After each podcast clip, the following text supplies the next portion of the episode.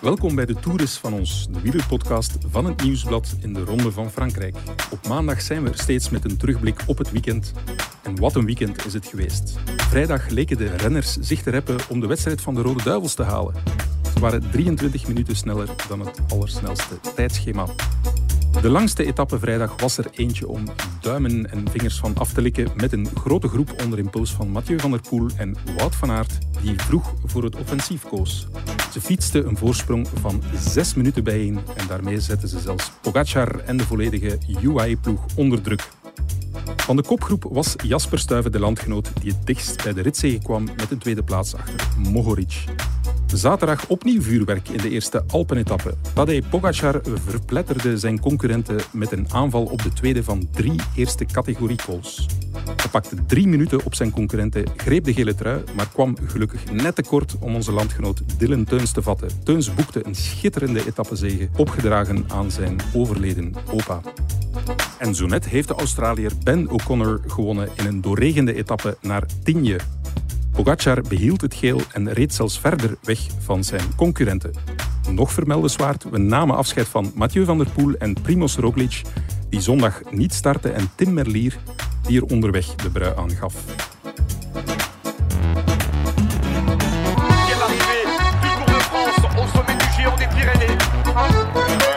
Deuxième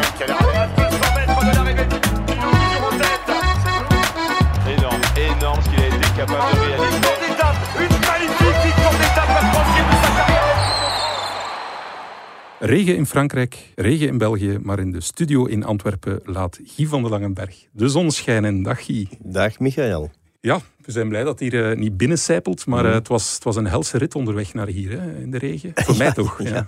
Ja, ja, de Schelde leek heel even door de Kennedy-tunnel te stromen in plaats van boven de Kennedy-tunnel. Dus het was even spannend, maar boven, zijn er geraakt. En in Tigne ook regen. Ben O'Connor, die liet Mhm. het niet aan zijn hart komen. Die staat nu, die won de etappe, staat nu tweede in het algemene klassement. Op ruim twee minuten van Pogacar, maar ook wel met een bonus van eh, drie minuten op de rest. Kan die ergens op een ereplaats eindigen in Parijs? Eh, die kan op het podium eindigen. Oh. Ik bedoel, die was, dacht ik, eh, achtste in de Dauphiné Libéré dit jaar. Dus Ja, dan, klopt. Dan, dan heb je wel wat in je mars. Hoeft morgen niet aan de bak. Hè. Het is rustig vandaag Ja, dus, maar ja, bon. Dan volgt een vlakke etappe. Dus het is eigenlijk pas woensdag dat hij opnieuw in orde moet zijn. En voor een Franse ploeg rijdend, AG de Weer Citroën was dit een, een, een enorme opsteker. En die gaan er nu echt alles aan doen om, om hem op dat podium te houden. Want dat is dan toch al van hè, Romain Bardet geleden dat dat hen gelukt is. Mhm. En dat zou voor die ploeg wel een enorme opsteker zijn. Want eh, met de komst van Citroën is het budget enorm verhoogd. Hebben zij ook grote transfers kunnen doen. Genre, genre Greg van Avermaat, Bob Jongels. eh, en Ben O'Connor was ook nog een transferke dat ze erbij hebben gedaan. Maar die, eh, die rendeert enorm. En die zat vorig jaar bij, bij Quebeca. Quebeca wist in de Giro niet of het zou doorgaan of, of ja of nee. Twijfelde openlijk aan het verdere vervolg van zijn carrière. Wint dan, eh, gelukkig voor hem, de etappe op, eh, moet ik even nadenken, Madonna di Campiglio. Waar hij Thomas de Gent en, en nog wel wat landgenoten achter zich laat. En daar is eigenlijk ja, de bevestiging gekomen van oké, ik ben nog profwaardig. En, en op basis daarvan heeft hij ook het contract eh, verdiend bij AG de Weer. Straf. Dat rendeert nu eh, Ja. heel goed, hè? Ja. Het is nooit over. Till, Till it's, it's over. over. Ja, Ehm, ja voor eh, Tadej Pogacar is het zeker niet over, wel in tegendeel. Die heeft nog eens twee keer flink met zijn vuist op tafel geklopt. Mm. Vooral zaterdag dan, bijna drie minuten op zijn concurrenten genomen, Mm. of drie minuten. En dan, eh, dan eigenlijk zondag, ja, nu hè, net. Ja, Ja, ook nog eens ja. eh, een 30 seconden, dus toch weer weggereden. Dus eh, ja, dan, dan toon je dat je de sterkste bent. Hè. Ja, er, er hoeft niet aan getwijfeld te worden. Eh, alleen zijn er jammer genoeg veel mensen die er wel aan twijfelen. En dan eerder twijfelen aan de oprechtheid en de, de cleanheid van Tadej Pogacar. Je merkt dat op sociale media. En dat is toch wel jammer, want ik bedoel, als je aan Pogacar twijfelt, dan moet je ook wel aan een aantal andere renners twijfelen, Mhm. die wij wel heel goed kennen. Maar waar we niet aan twijfelen, omdat ze een Belgisch en Ja. een Nederlands paspoort hebben. Het is Ja. niet omdat iemand een Sloveens paspoort heeft, dat hij per definitie verdacht is als hij goed met de fiets kan rijden. Dus dat vind ik jammer. Ik bedoel, het huidige peloton is, is zich zeer goed bewust van het feit, mocht er nog eens een nieuwe dopinggolf over het peloton heen komen gerold, dat dan de sport eh, een kruis kan maken over zijn verdere bestaan. Dan gaan wij andere podcasts maken zelfs. gaan wij andere podcasts moeten maken, inderdaad. Ehm, ze trainen ook nog beter, nog, nog gedetailleerder. ehm, Mhm. Minder koersen meer trainen, echt, echt heel gericht trainen naar wedstrijden toe. Nog fanatieker op de voeding letten, nog beter materiaal. Dus ja, dat er snel gereden wordt, is eigenlijk niet meer dan logisch. En nu is er eentje die steekt er echt wel bovenuit. Ja, waarschijnlijk omdat hij veel meer talent heeft dan, Ja. dan de rest. Eh, Ik bedoel, ja, Remco Evenepoel heeft ook heel veel talent en doet ook zaken waarvan wij denken van wow, wat is dit? Dus, eh, dus is er eigenlijk in mijn ogen ook geen enkele reden om te twijfelen aan, aan Tadej Pogacar. Eh, ik vind het een fantastisch coureur en ja, je kan er alleen maar van genieten, vind ik. Ja. Daarnet tijdens de etappe op eh, Sporza kregen we een opmerkelijk interview met Thomas de Gent. Hè. Zoals we Thomas kennen een beetje. Ja, hij gaf aan dat hij zaterdag een van de beste waardes eh, trapte sinds die worden bijgehouden in 2013, maar dat hij toch op 28 minuten finishte. En ja, hij, liet, was zelfs een beetje fatalistisch. zo Van ja, ik zal mijn contract nog uitdoen, maar dan moet het misschien wel stoppen. Bon, in the Ja. heat of the moment. Maar ook op basis daarvan ja, was er zo wat negativiteit. Maar ik denk dan, ik heb daar even zitten over nadenken, van ja, ook, ook Thomas de Gent op zijn gezegende leeftijd nu trapt dan blijkbaar wel zijn beste wattages. Dus inderdaad is dat wielrennen niet gewoon in zijn geheel opgeschoven. Veel meer stages, veel meer voorbereiding. Absoluut, absoluut. En Thomas is denk ik nog niet de fanatiekste wat dat betreft, wat hoogtestages enzovoort betreft. Eh, is ook iemand die nog wel iets of wat van het leven probeert te genieten. Eh, Een beetje zoals wij. beetje, ja, ja. Maar wij zijn wel fanatiek als het erop aankomt, Michael. Maar, Ja. maar eh, nee, ik denk ook niet dat Thomas ooit de bedoeling heeft gehad met zijn woorden om iemand Nee. verdacht te maken. Daar ben ik absoluut zeker van dat dat niet zijn bedoeling is. Maar het wordt wel zo door veel mensen geïnterpreteerd. En, Mm. en, en ja, dat is jammer. Dat is ook jammer voor Thomas, want zal links of rechts zal je er toch wel eens over worden aangesproken, denk Ja. ik, over die uitspraak. Dus, eh enfin ja, bon, de, de collega's van, van Sporta hadden het er al over. Dus ja, Mm. wat bedoelt hij daar nu mee? En, en als je die vraag stelt, wat bedoelt hij er eigenlijk mee? Dan insinueer je eigenlijk dat hij hier iets, iets mee bedoelt wat, wat je tussen de lijnen moet, eh, Mm, moet mm. zien te lezen. En dat is, allee, denk ik, zeker en vast zijn bedoeling niet geweest. Ja. Laat ons vooral kritisch zijn, maar toch ook wegblijven Mhm. van insinuaties. Hè, zeg. Allee, insinuaties, als er echt dingen zijn die, Ja, die eh, vaststelt. enige argwaan is natuurlijk altijd Voilà, op zijn ja, plaats. ja, eh, zeker. zeker in, het, in, het, in een sport als wielrennen, die toch een, Mhm. een verleden met zich meedraagt dat niet altijd even positief is geweest. Of, ah, of net altijd positief was, als je begrijpt wat ik ja, bedoel. ja. Ehm, maar dat mag niet overslaan in, in, Voilà. in, in een heksenjacht op mensen die goed zijn. Ik bedoel, het is niet omdat iemand beter is dan een ander dat hij automatisch dingen doet, of dingen doet die, een, die hij niet zou mogen doen. Het simpele feit dat iemand goed is, of uitzonderlijk goed is, dat simpele feit mag niet De reden volstaan zijn. of Nee, de reden zijn om te gaan twijfelen. Als er andere zaken zijn, dan eh, Dan wel. zijn we de eerste om eh, kritisch te zijn.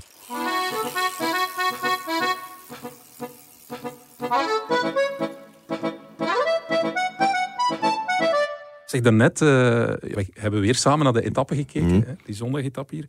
En eh, wij vielen beiden net niet van onze stoel, of ik toch vooral, toen wij in een Sonny Colbrelli Ja, in een, in een bergetappe als derde, Derde. derde over de streep Ja, zagen komen en zo nog eh, punten, pakken voor de ja. groene trui. En eigenlijk, ja, jammer voor Colbrelli, maar in een bergetappe zijn niet zoveel punten te verdienen aan de finish. Dus hij was meegegaan in de vroege vlucht. Ook Ja. Michael Matthews zat erbij. Ehm, omdat de tussenspurt, enfin, de spurt voor de, voor de punten, was, dacht ik, na een eerste helling, of het kan er nog voor zijn geweest, maar bon, Cavendish was zeker niet mee. Eh, Sonny wint die spurt voor Matthews. En wat doet Matthews? Ja, die laat zich uitzakken tot in het peloton. Wat doet Sonny? Die blijft vrolijk meepeddelen. Dat wij ook al aan het kijken waren van... Hm? Je raakt dus met de vluchters over die Col de Pré, de eerste col van buiten categorie. Cormier Roseland geraakt hij dan ook over. Ja, dan komen ze beneden en dan krijg je eigenlijk die klim naar die wel lang was, 21 Mhm. kilometer, maar niet vreselijk stijl. Dus er zat wel een heel stijl stuk in, maar- maar dat overleeft hij ook nog perfect. Dus eigenlijk van al die tegenaanvallers, want Quintana zat vooraan met Ben O'Connor en Sergio Higuita. En dan had je de rest van de vroege vlucht. En daar zat dus eh Colbrelli. Higuita wordt opgerold, Quintana wordt opgerold. En enkel Mattia Cataneo van de Koning Quickstep, die wordt tweede. En Sonny spurt naar de derde plaats. Ja, eigenlijk verdien je dan als contender voor de groene trui... verdien je dan eigenlijk bonuspunten, vind Ja, ik. ja, maar bon, die zullen er niet zijn, maar Nee. het bewijst maar hoe goed hij is. Ja. Dat had hij al bewezen op het eh, Italiaans kampioenschap, dat hij wint. Dat was in Imola. Mhm. En we kennen het parcours van vorig jaar, van het WK. Dat was niet makkelijk. Dus dat was al een indicatie dat hij heel goed was. Had hij het ook al getoond in de Dauphiné, waar hij echt, eh, denk ik, twee of drie keer tweede was. Ja. Op toch wel lastige, lastige parcoursen. Dus ja, die klimt bijna beter dan hij spurt, zou ik zeggen. Maar zijn spurt is ook nog altijd wel in orde. Ja. Dus ja, fantastisch. Hè? Ja, maar het levert hem geen bonuspunten op, maar wel een vermelding in onze podcast. En dat is ook niet min. Hè? Nee, maar het levert hem ook wel punten op. En Punten. ik bedoel, die heeft die strijd voor de groene trui zeker en vast nog niet opgegeven.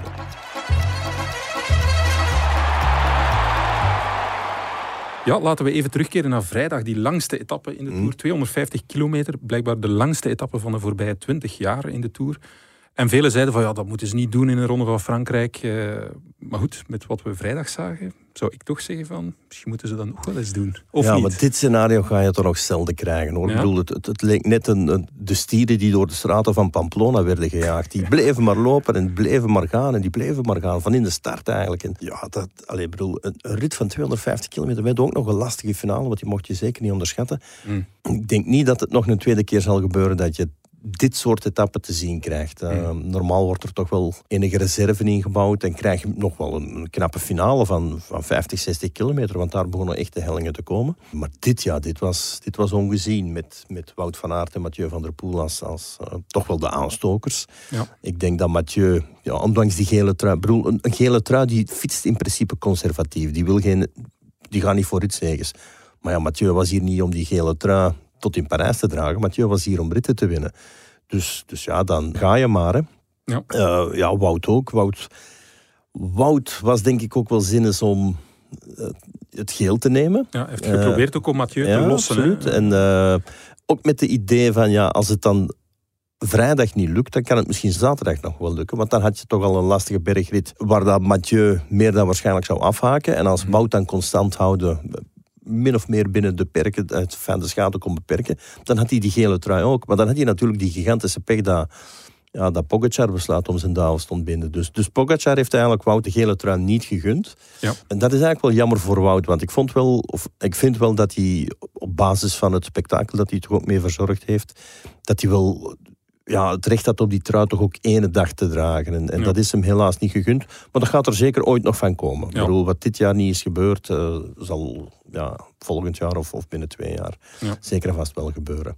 Vandaag, gisteren dus eigenlijk voor de luisteraar, eh, heeft hij het laten gaan. En er was zo nog wel de vraag, ja, wat ga je nu doen? En, eh, want dat klassement stond uiteindelijk drie minuten voor op, op, eh, op, op de nummer drie. Eh, tel daar nog een tijdrit bij van 30 kilometer op het einde. Hij toch ook op iedereen die achter hem stond ook nog wel anderhalve minuut bonus had. Dus dat was eigenlijk wel 4,5 minuut. En dan begin je soms te denken van, oh, zou het misschien niet kunnen. Maar dan zijn er helaas, enfin helaas, die Olympische Spelen. En, en hij, hij koerst echt wel in functie van die Olympische Spelen. En dan heeft hij de wijze beslissing genomen om het, eh, om, enfin, om het te, laten, te laten gaan vandaag. Net zoals Mathieu heeft besloten om, om niet meer te starten. Ja. Ook allemaal in functie van Tokio. En, Ja. en dat is iets dat je moet respecteren. Is het jammer? Ja, ergens wel. Maar eh, ook logisch. Ja, logisch zeg je bij Mathieu.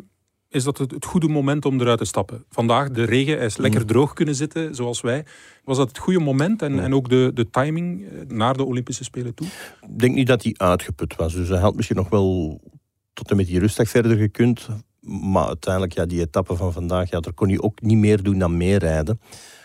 Dus waarom zou je dat doen? Ehm, en is het het juiste moment? Ja, kijk, dat zal blijken eh, over een paar weken als hij in Tokio aan de slag gaat. Hè. Ik bedoel, wint hij daar, dan gaan wij allemaal zeggen van ja, fantastisch gepland. Ehm, komt hij daar tekort, dan gaat iedereen zeggen van goh, had toch nog wel een paar ritjes meer moeten rijden. Hè. Maar de, de winnaar heeft altijd gelijk in dit geval. Dus, dus veel zal afhangen van het resultaat dat Mathieu behaalt in, eh, in Tokio. Ja.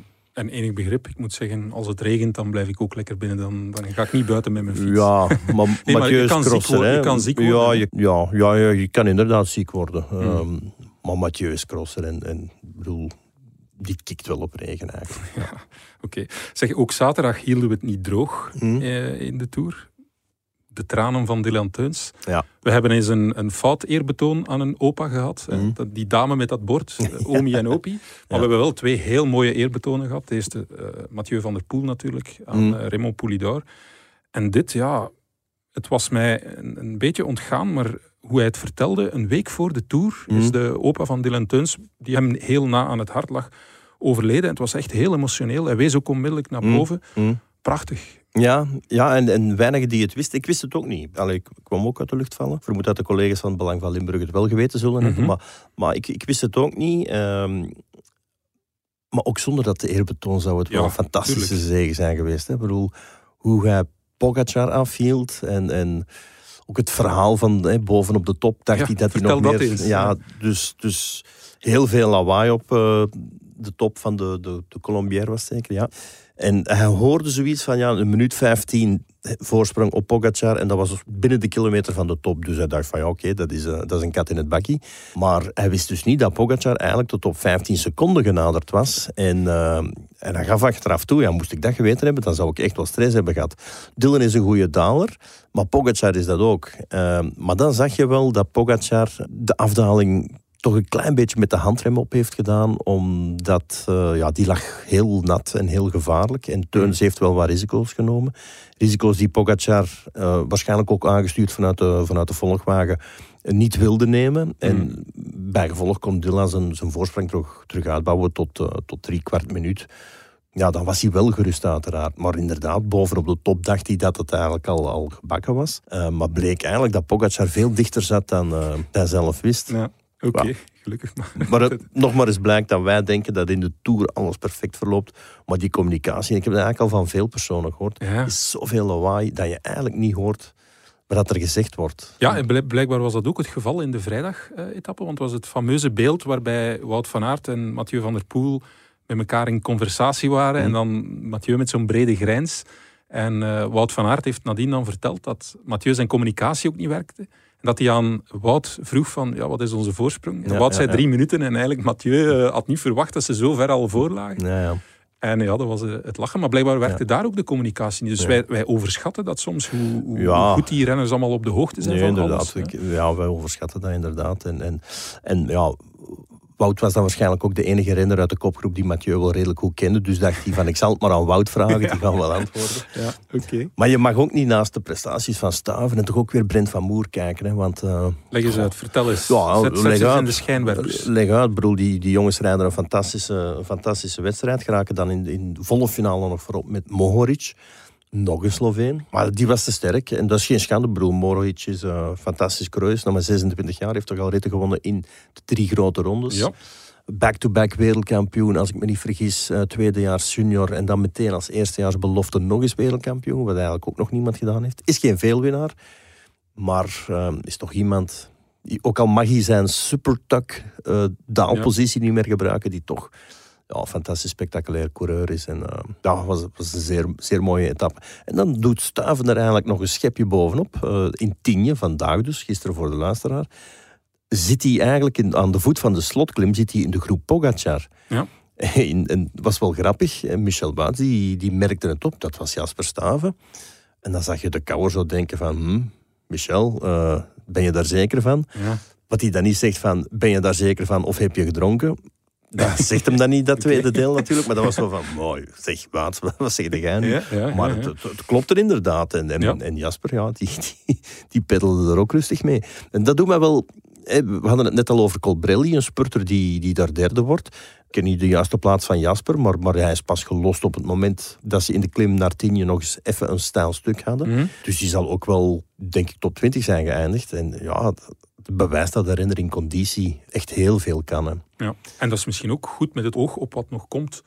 Uh, er is een, een WK. Uh, mm, mm, maar dat is, in geen Leuven. berg, dat is geen berg. Nee, maar goed, er, er, zijn wel bergjes, er zijn wel ja, heuveltjes. maar dat is anders. Hè. Dat, is, Ja. dat, is, dat is positioneren, dat is, uh, dat is explosief. Uh, ja, dit was niet, niet explosief. 21 kilometer is eerder een lange inspanning. Ja. Maar hij zal toch wel behoorlijk van zijn chocolade gebleven zijn, denk ik. Ja, dat absoluut. Het is alleen jammer voor hem dat hij er niet voor beloond wordt. Hè. Ja, Eh, zo vaak al in de Tour naast Maar je kan er beter één keer boek op, op zijn. Ja. zoals wij dat hier in Antwerpen zeggen, dan dat je er een paar keer dichtbij bent. Ja, oké.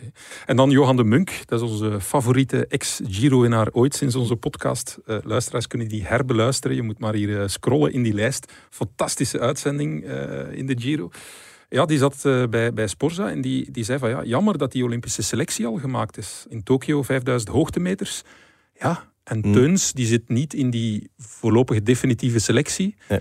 Jammer hè, als je ziet hoe die, hoe die bergop rijdt. Ja, ja, absoluut. Moest de selectie, laten we zeggen, morgen gemaakt worden na de, de eerste rustdag, ja, dan denk ik wel dat eh, de bondscoach uh, Sven van Toerenhout zou twijfelen, want Penoot geeft mij geen goede indruk. Ja, Nu, dat kan zijn in functie van de speler, maar Mhm. ik denk het niet eerlijk gezegd. Ik denk dat Tisch momenteel een beetje aan het worstelen is. Hij is ook al wel eens gevallen. Mhm. Maar langs de andere kant, ja, de selectie moet gemaakt worden op een bepaald tijdstip. En dat was ergens vorige week, dan moet die ingediend worden.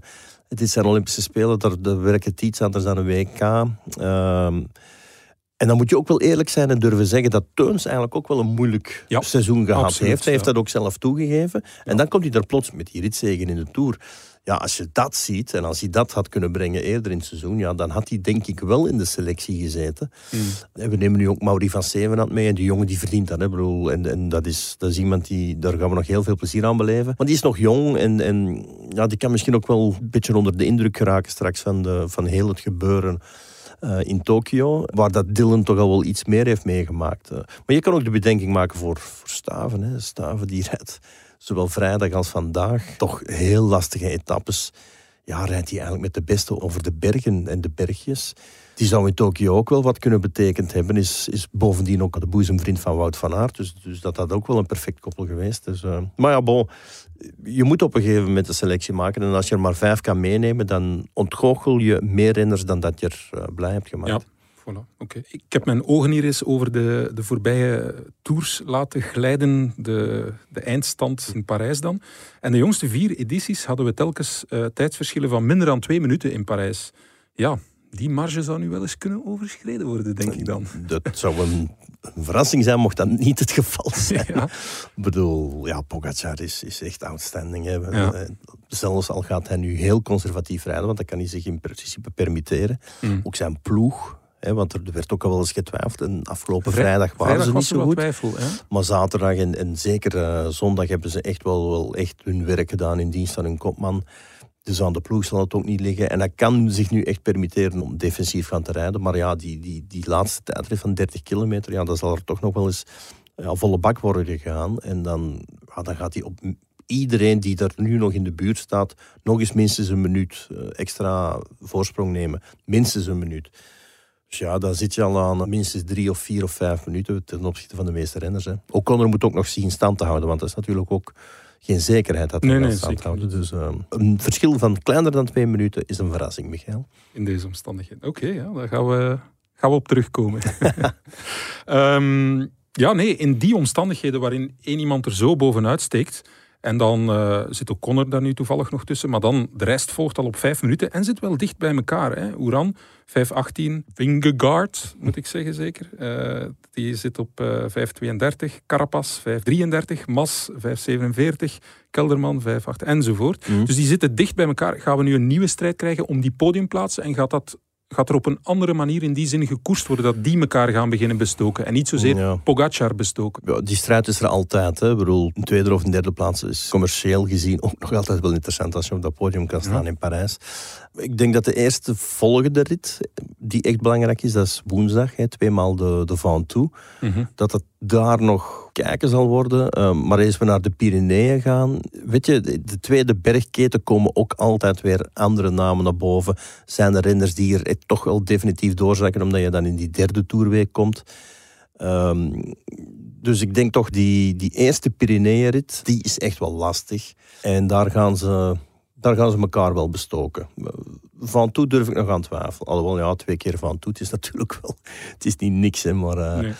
Maar ik denk toch dat in de Pyreneeën de echte rekeningen gemaakt zullen worden. Ja. Derde week, vermoeide renners, daar gaat het gebeuren. Ja, oké. Goed, eh, ik zou bijna zeggen, we saved the best for last, maar dat zou veel te veel oneer aan jou doen. eh. maar tijd voor onze rubriek.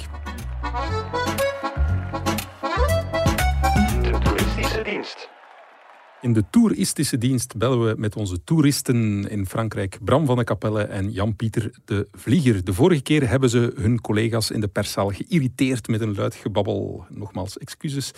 Daarom maken we nu gebruik van de wonderen der techniek. Het telefoongesprek hebben we later opgenomen en dat gaan we er tussen monteren. Hey, dag Michel. Dag Jan-Pieter, goedemorgen. Hey, goedemorgen. Ja, even eh, voor de luisteraars nog. Dus dit gesprek hebben we eigenlijk, nemen we op de rustdag zelf op. eh, een dag nadat we met eh Guy gepraat hebben. En dat allemaal om, eh, ja, om geen commotie meer te veroorzaken in de perszaal. Is het jullie intussen vergeven, al dat lawaai dat jullie gemaakt hebben de vorige keer? Ik denk het wel. Mij in ieder geval wel. En Bram, Bram is die daar ook? Die is er ook. Ja, heb jij nog boze blikken gehad, Bram? Eh, enkel van de mensen van de ASO, omdat ik niet vaak mijn mondkapje behoorlijk draag. Maar eh, dat valt het rest ook mee. Ja, Oké, goed. En om, om een beetje de sfeer eh, te schetsen, Michael. eh, Ja. Het gezoem dat je vandaag op de achtergrond hoort, dat is de hoge drukreiniger van de Koning Quickstep. Zij zijn net eh, hun teambus aan het wassen. Amai, dat is fantastisch. Zo een beetje couleur lokaal. Hebben jullie dat eh, expres gedaan zo? Zeker, zeker. We hebben half uur gescout naar een locatie. En Ja. dat vonden we wel goed. Ja, de hoge drukreiniger van de Koning Quickstep. Fantastisch. Beter kan niet. Ze zijn net eh, lovingly made ingredients aan het afstoffen. Dat is de privé-sponsor van Mark Cavendish. Oké, voilà, deze krijgt ook een vermelding. Zeg, gisteren een regenrit. Ben O'Connor, die won. Wie is die man? Ik verwijs naar Bram van de Kapelle. Bram, jij gaat er En, alles over eh, vertellen. Een Australische klimmer die in Andorra woont en een, eh, met Dries Smets een eh, Belgische makelaar heeft. Aha. Ehm, ben O'Connor was ehm, al een paar jaar in dienst bij de Quebeca-ploeg. Mhm. Maar omdat die ploeg vorig jaar dreigde niet te blijven bestaan eh, en hij eh, in de Giro een rit tegenwon, koos hij zeker voor het onzekere. En omdat uh, Age Desert, Bardet en Latour kwijt was, hadden ze klimmers nodig. En eh, vonden ze dan in ehm, O'Connor een goede optie, ook al omdat de BMC ook de Australische markt een beetje wil concurreren. En O'Connor heeft vandaag Age Desert een, eh, ja, mooie rustdag bezocht. Ja. Zeg, en eh Guy die zegt hier van, ja, ik zie die wel op het podium eindigen in Parijs. Ben jij ook die mening toegedaan? Eh, ja, dat denk ik ook, ja. Ja? Ik denk dat er andere ploegen eh, gisteren, dus in de tweede Alperit, serieus hebben eh, gepokerd eh, door niet met UAE te helpen om achter uh, O'Connor te rijden. Mhm. En ehm, dat is door een beetje een voet om poets na de rit van vrijdag, waar de andere ploegen ook UAE niet hopen om achter Van Aert en eh, Van der Poel te rijden. Maar die hebben zichzelf wel eh, serieus in eh, de voet geschoten, denk ik. Het was ook een beetje het weekend eh, van, uiteraard, van Tadej Pogacar. De Tour helemaal naar zijn hand gezet. Ja, de vraag is niet meer of hij wint, maar met hoeveel voorsprong. Ja, inderdaad. Misschien, ik denk dat dat misschien een beetje de dynamiek kan worden van, eh, van de koers zo de komende dagen. Ofwel Pogacar die zelf voor een ritzege gaat, ofwel die een vlucht laat rijden, waardoor dat er dan plots iemand in de top 10 kan komen. Dus je zal de kaarten juist moeten spelen, denk ik, om weer een goed resultaat te halen. Ja, moeten we ons concentreren op de, de strijd voor het podium? Gaat dat nu een, een gegeven worden? Uh, ja, dat zou kunnen. Er zijn uh, verschillende namen kandidaten voor. Maar ik denk vooral dat de strijd om de ritzegen zeer boeiend zal worden. Omdat, zoals Jan-Pieter zegt, UAE zal niet elke dag controleren. Dus er zullen heel veel vluchten van meet uh, voor blijven. En ik denk zelf al in de rit van, van dinsdag naar Valence. Dat is normaal een sprintrit. Maar met Arno de Maar en Kokar en Merlier zijn er nu al drie sprinters naar huis. Er weinig ploegen zullen nog de wedstrijd zullen controleren voor een sprinter die dan tegen Kevin toch waarschijnlijk niet zal winnen. Dus ik denk dat uh, onze landgenoten vooral de kaart van de adem moeten trekken om een rit te winnen. Ja, oké. Zeg, er is een landgenoot die dit weekend ook gewonnen heeft. En, en wat voor een zege. Tweede bergrit in drie jaar tijd in uh, de Tour de France. Dylan Teuns. Fantastisch, hè? Ja, dat was een uh, zeer mooie zege. Tweede Tour, tweede ritzege. Dus vorig jaar was hij kwaad omdat Bahrein niet meedam aan de Tour. Mm. En hij laat nu tonen waarom, want als hij niet meegaat, dan uh, winnen ze geen rit. Is het jammer dat hij er niet bij is in Tokio straks? Want hij is niet geselecteerd. We hebben daar 5000 hoogtemeters en ja, hij wint bergetappes in de Tour. Dan, moet hij, dan zou hij toch eigenlijk mee moeten? Ja, dat zou je zeker denken. Ik denk dat het een beetje ongelukkig is dat de timing van die selectie, of de bekendmaking van die selectie, uh, min of meer overlapte met zijn, uh, met zijn overwinning. Terwijl hij wel al iets langer uh, vast uh, lag in het hoofd van de bondscoach, denk ik. Het viel mij wel op dat hij er zelf niet zo heel zwaar aan tilde. En uh, hij verwees een beetje naar zijn vorm in het voorjaar, die hij zelf onvoldoende vond om naar, uh, naar Tokio te gaan. Ja. Maar er is zeker een argument voor om hem wel mee te nemen. Ja. De hand in eigen boezem steken heet dat. Hè? Jullie doen dat ook vaak, hè? Voortdurend. ja. Oké, okay. goed. Um, ja, waar kijken we naar uit de komende dagen? Ik zou zeggen die dubbele beklimming van de Ventoux, maar misschien zijn er nog andere dingen. Ja, zoals ik zei, de rit naar Valence van dinsdag uh, vind ik ook zeker een aanrader. Want ik vermoed dat er heel wat Belgen in de AVA zullen gaan. En de rit naar de Ventoux uh, ook wel. Ik ben er in de Tour nog maar één keer geweest. En dat was toen uh, Thomas de Gent won en Chris Froome al joggend naar boven liep. Dus dat was wel een zeer memorabele dag. Ik schat de kans klein dat het even memorabel wordt woensdag als toen. Ja. Waar we niet meer naar kunnen uitkijken is een duel tussen Wout van Aert en Mathieu van der Poel. Maar het was wel mooi op vrijdag, dus uh, dat hebben we gehad.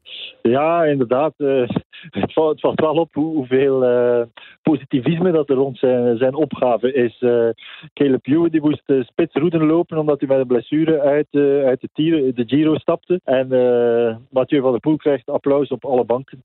Heeft natuurlijk ook wel een fantastische eh, week eh, doorgemaakt.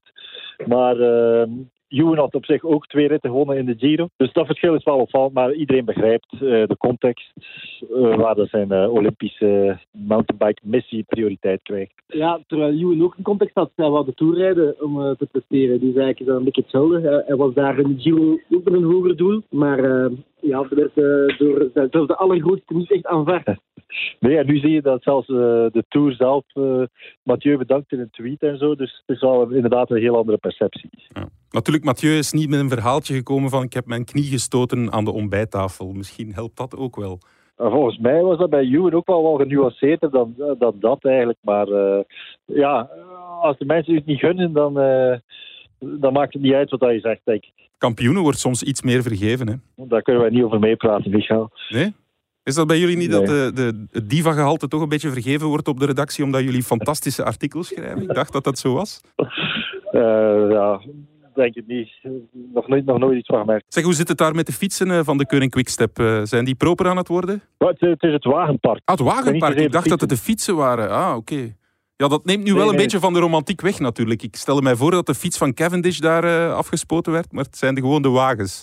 Ja, maar het is ook op zich ook wel best indrukwekkend. Eh, twee gigantische bussen. Een eh, soort camionet.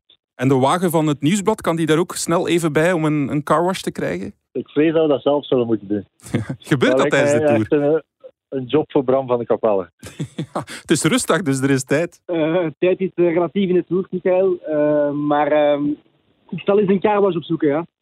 Zeg, laatste ding dan nog voordat we eruit gaan, wat ik mij afvraag. Hoe zit het met jouw koffer? Is die terecht of, of, of is die nog altijd zoek? Ja, die is terechtgekomen. Amai. Eh, de dag nadien was ik in de perszaal aan het eh, tikken, uiteraard.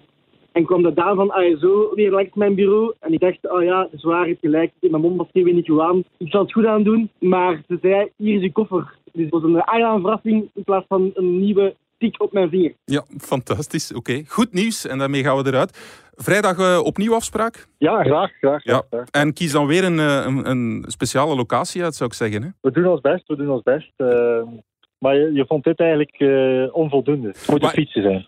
De fietsen was nog beter geweest, dus jullie kunnen nog beter. Ja, maar ik vind het wel heel mooi dat de ploegleider Rick van Slijken eh meehelpt om de bus af te wassen met een eh, vod, vod en een doek. Amai, Dus, eh, die, die voelt zich daar niet te groot voor. Ja, voilà. Dat zegt eh, misschien veel over de ploegsfeer bij de Koning Ja. die uiteraard optimistisch is naar de ritzegens. En te Maar- groot zeker niet, want hij heeft een gigantisch verlengstuk nodig om eh, helemaal tot boven, bovenaan de ruit te geraken. En Mark Cavendish is niet eh, aan het helpen daar of zo, voor de, om de bussen te wassen. Voorlopig niet, maar als dat gebeurt, dan bellen we terug. Ja, zeker. Oké, daar had ik je aan. Goed, geniet van de rustdag en werk vooral ook veel, want ja, rustdag, rustdagen bestaan niet voor de journalisten. Voilà, je hebt het zelf eh, genoeg meegemaakt, Michael, je weet hoe het is. Oké, tot de volgende. Bye bye. Alright, Dag. bye bye. Voilà, Guy, onze toeristen zijn gepasseerd. Daarmee zitten we aan het eind van onze aflevering. Een moment waarop wij steeds dankbaar zijn. Mm, Dank aan jou, Guy. Het zonnetje in huis hier. ja, absoluut. Ja, dank aan onze reporters ter plekke, Jan-Pieter de Vlieger en Bram van de Kapelle. Dank aan House of Media om ons goed te laten klinken. Dank aan Energy Nostalgie voor het gebruik van de studio. De studio die droog gebleven is. Maar vooral dank aan jullie trouwe luisteraars. We zijn er vrijdag opnieuw voor jullie en alleen voor jullie. Tot dan.